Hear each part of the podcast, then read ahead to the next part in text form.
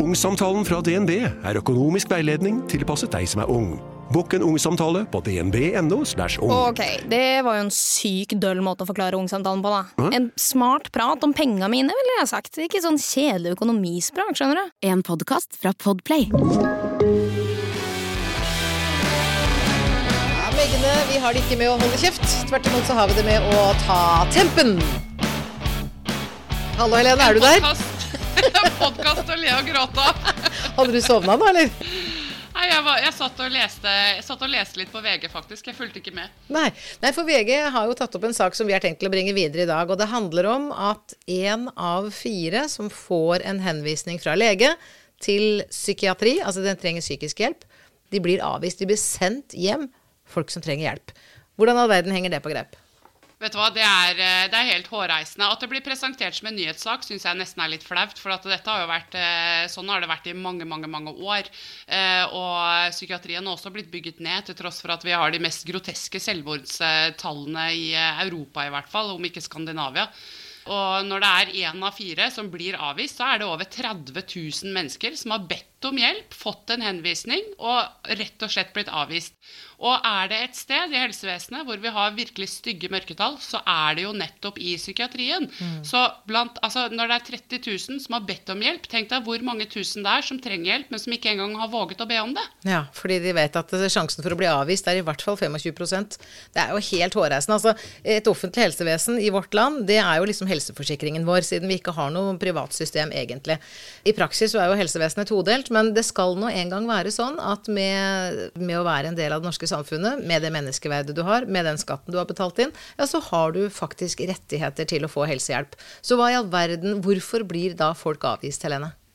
Det handler om eh, kapasitet. Det er det det er. Vi har ikke kapasitet, og vi har ikke ressurser, og vi har ikke senger. For det blir eh, bygget ned. Samtidig så har jo regjeringen uttalt at de har en nullvisjon. Og hvordan de har tenkt å oppnå resultater, det skjønner jeg ikke. Som det er magi og hokus pokus. For de er jo ikke interessert i å bruke penger. Nei, og så har jo Bent Høie sagt at rus og psykiatri er det som nå skal prioriteres.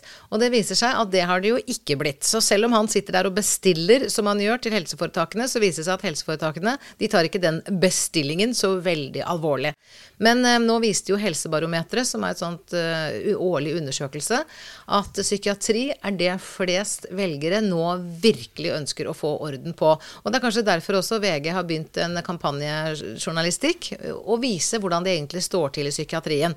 Vi har jo starta et eget parti vi, for å formidle at det ikke står bra til. Dette starta vi i 2016, men det tar tid før dette synker inn til den allmenne velger. Ja, det tar lang tid. Og det er bare sånn det er. Og disse si, følgeartikler i, i, store medier de har jo ikke noe effekt på hvordan pengene blir prioritert. For vi ser jo at dette er jo ikke noe nytt i det hele tatt. Dette er gammelt nytt. Mm. Men eh, det blir fremdeles eh, bygget ned istedenfor å ruste opp.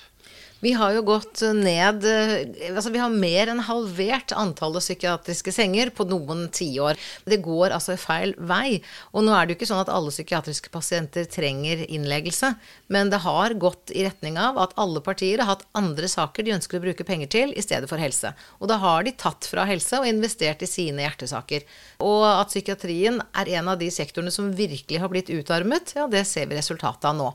Så eneste måten å få rette opp i dette er at demokratiet sier ifra at nå vil vi faktisk ha mer prioritering av helse, og ikke minst psykiatrisk helse. Ja, vi har under 4000 psykiatriske sykesenger igjen. Og det er definitivt altfor lite. Tenk deg om du våkner opp i morgen, Helene, til følgende VG-overskrift. Nå skal ja. vi investere i helse. Norge skal få de nødvendige 20 000 psykiatriske institusjonsplassene. Norge vil investere i helse.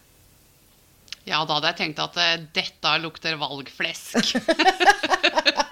For dette er nettopp Altså, dette er tiden å komme med slike løfter på. Det gjelder psykiatri og helse og eldreomsorg og you name it. De er uh, rause en stund før valget. Men uh, jeg har ikke noe særlig tillit til at de kommer til å bruke noe mer penger, jeg får være helt ærlig. Men det hadde jo vært helt fantastisk den dagen det faktisk var sant. Nå har Norge nok sykehussenger, nok eh, psykiatrisk personell, nok psykiatrisk kapasitet. Da kunne vi faktisk gjort det vi håper på, nemlig legge ned Helsepartiet.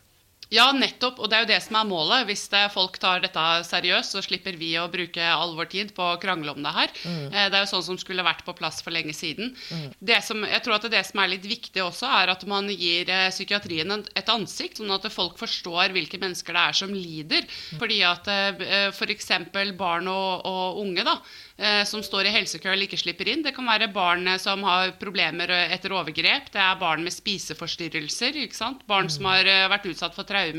Jeg syns jo det er et paradoks, som har fire barn selv, eh, og som har blitt opplært nå i 20 år til å alltid passe på barna i bilen, sørge for at bilsetet er montert og bilbeltet skal på. og Gjør jeg ikke det, så får jeg bot. Men hvis jeg selv skulle kontakte staten og si at et av mine barn f.eks. er suicidal, ja, da blir staten døv. Og jeg kjenner at jeg har lyst til å bøtelegge dem, ja da. For at du skal ikke overlate mennesker eh, til seg selv når det er fare for liv og helse. Og det er akkurat det psykiatrien gjør. De vender det døve øret til. For de har ikke kapasitet til å lytte, fordi politikerne har utarmet sektoren. Det er på en måte det store bildet her. Og det viktige at folk får med seg, er jo at det er deres makt som velgere å snu denne utviklingen og sørge for at det blir investeringer i helse, i stedet for at den fortsetter å utarmes.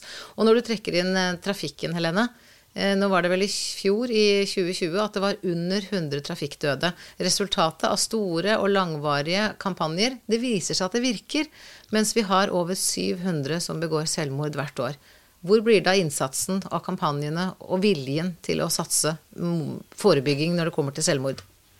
Ja, det er akkurat det. Det er det som er så trist. Vi vet jo at det virker å bruke penger og ressurser. Det vil ha en effekt. Men jeg tenker jo også det at eh, de som jobber i psykiatrien og i helsevesenet, trenger jo det desperat, for de også ser jo at det her er et problem. Og det er ikke noe ålreit for dem heller å avvise pasienter som de selv til og med erkjenner trenger hjelp og behandling. Mm. Men de har ikke kapasitet. De må velge de som har det verst først. Og så må andre vente til de er de som har det verst. Mm. Og det er jo ikke Jeg syns ikke det er særlig menneskelig. Og det er veldig usympatisk. Vært, det er veldig usympatisk. Og jeg har vært i kontakt med helsevesenet mange ganger i forhold til psykiatri, og jeg har selv forsøkt i over to år å, å få én pasient innlagt uten hell. Jeg har tatt over 70 telefoner. Oh. Og eh, sist gang, sist gang, jeg ringte, så spurte jo da denne overlegen jeg snakket med, eh, hva, om jeg kunne si hva jeg forventet at de skulle gjøre. Og da sa jeg det som sant var, at jeg skjønner at dere ikke kan gjøre noen ting. Dere har ikke kapasitet eller hjemmel i loven, men jeg vil at du journalfører denne samtalen. fordi at en dag så kommer en av de store avisene til å ringe deg og spørre om det har vært bekymring rundt nettopp denne pasienten. Mm. For det som er trist for noen få det, Dette er jo ikke mange pasienter det er snakk om, men mennesker med akutte alvorlige lidelser og psykose som begår eh, voldelige handlinger og drap. Eh, det som er trist, er at det svært mange av dem er kjent for helsevesenet i forkant, eh, men har altså ikke fått behandling. Og det viser jo tallene da, at den beste måten å få behandling på hvis du er i en akutt psykose, det er jo faktisk å begå et drap. Det er jo helt forferdelig. Det er jo ikke sånn vi skal ha det i eh, Norge. At man skal være nødt til å ringe eh, akuttjenester kanskje 30-40 ganger uten at det skjer noen verdens ting. Det er et resultat av en helt fullstendig utarmet helsetjeneste, i hvert fall i noen ledd. For det er jo ikke like ille i alle ledd, men i psykiatrien står det virkelig dårlig til. Ja, der er det så tynt at det er, det er helt tragisk. Det er, det er, trist. Og det er trist for dem som jobber der. For de som jobber i psykiatrien, har jo et brennende engasjement. De har jo et mm. ønske om å hjelpe mennesker i nød. Men de har ikke midlene til å gjøre det. Du hører Helsemeggene, Lise Askvik og Helene Spro, og i dag handler det om psykiatri og underkapasiteten. Hvordan tror du pandemien påvirker psykiatrien da, nå i de neste årene fremover? Jeg tror vi kommer til å se noen stygge tall eh, fremover. Fordi at eh, mennesker som har hatt eh, veldig lite tjenester fra før, har nå ingen tjeneste i det hele tatt. Det er veldig mange som blir overlatt til seg selv, og som vil få det mye, mye verre. Og dessverre også ende opp med å ta sitt eget liv. Og ensomhet er jo en eh, sykdomsfremkaller i seg selv for mange mennesker, så jeg er redd at eh, psykiatrien virkelig nå trenger å styrkes, og det må gå fort hvis vi skal klare å ta imot alle de menneskene som nå trenger støtte og hjelp i forbindelse med nettopp denne pandemien. Den rammer ikke bare fysisk. Nei, nå, og det er veldig mange som har vært utsatt for, for, ting som vi kanskje ikke før har tenkt på, men som faktisk er et traume. At man har vært nødt til å føde alene, og man har mista et familiemedlem uten å kunne ta farvel. Mm. Man har opplevd at en man har vært veldig glad i, skal begraves, men man har ikke fått lov til å delta i begravelsen.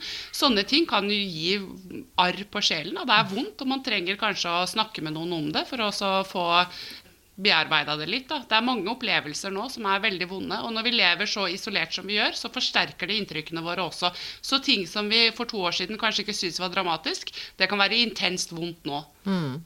Apropos intenst vondt, jeg hører at barna dine lekeslåss i bakgrunnen der.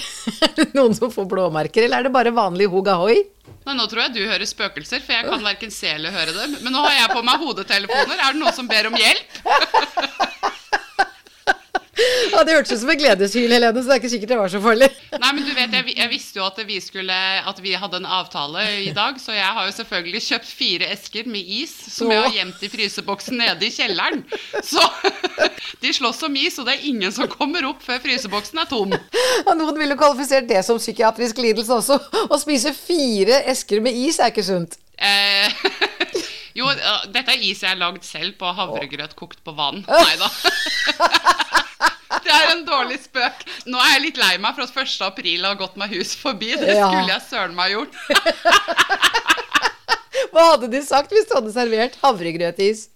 Eh, først så hadde de sikkert blitt litt eh, irritert, og så hadde de antageligvis regna med at jeg helt sikkert hadde ordentlig is på lur. For jeg, det hender at jeg drar en spøk på dem, og de vet at jeg er gæren. Så, men jeg, jeg, jeg, trøster dem med noe godt etterpå, da. Ja, ja det er jeg sikker på. Jeg syns ungene dine er verdens skjønneste. Dere har det så fint alle sammen. Så jeg er veldig trygg på at dere har det bra. I hvert fall det er verre med han min. Han som er 15 år og har vært sperra inne nå det siste halvannet året. Det er en lei alder å bli sperra inne på når du er i den ungdomsalderen og egentlig skal frigjøre deg fra mor og far.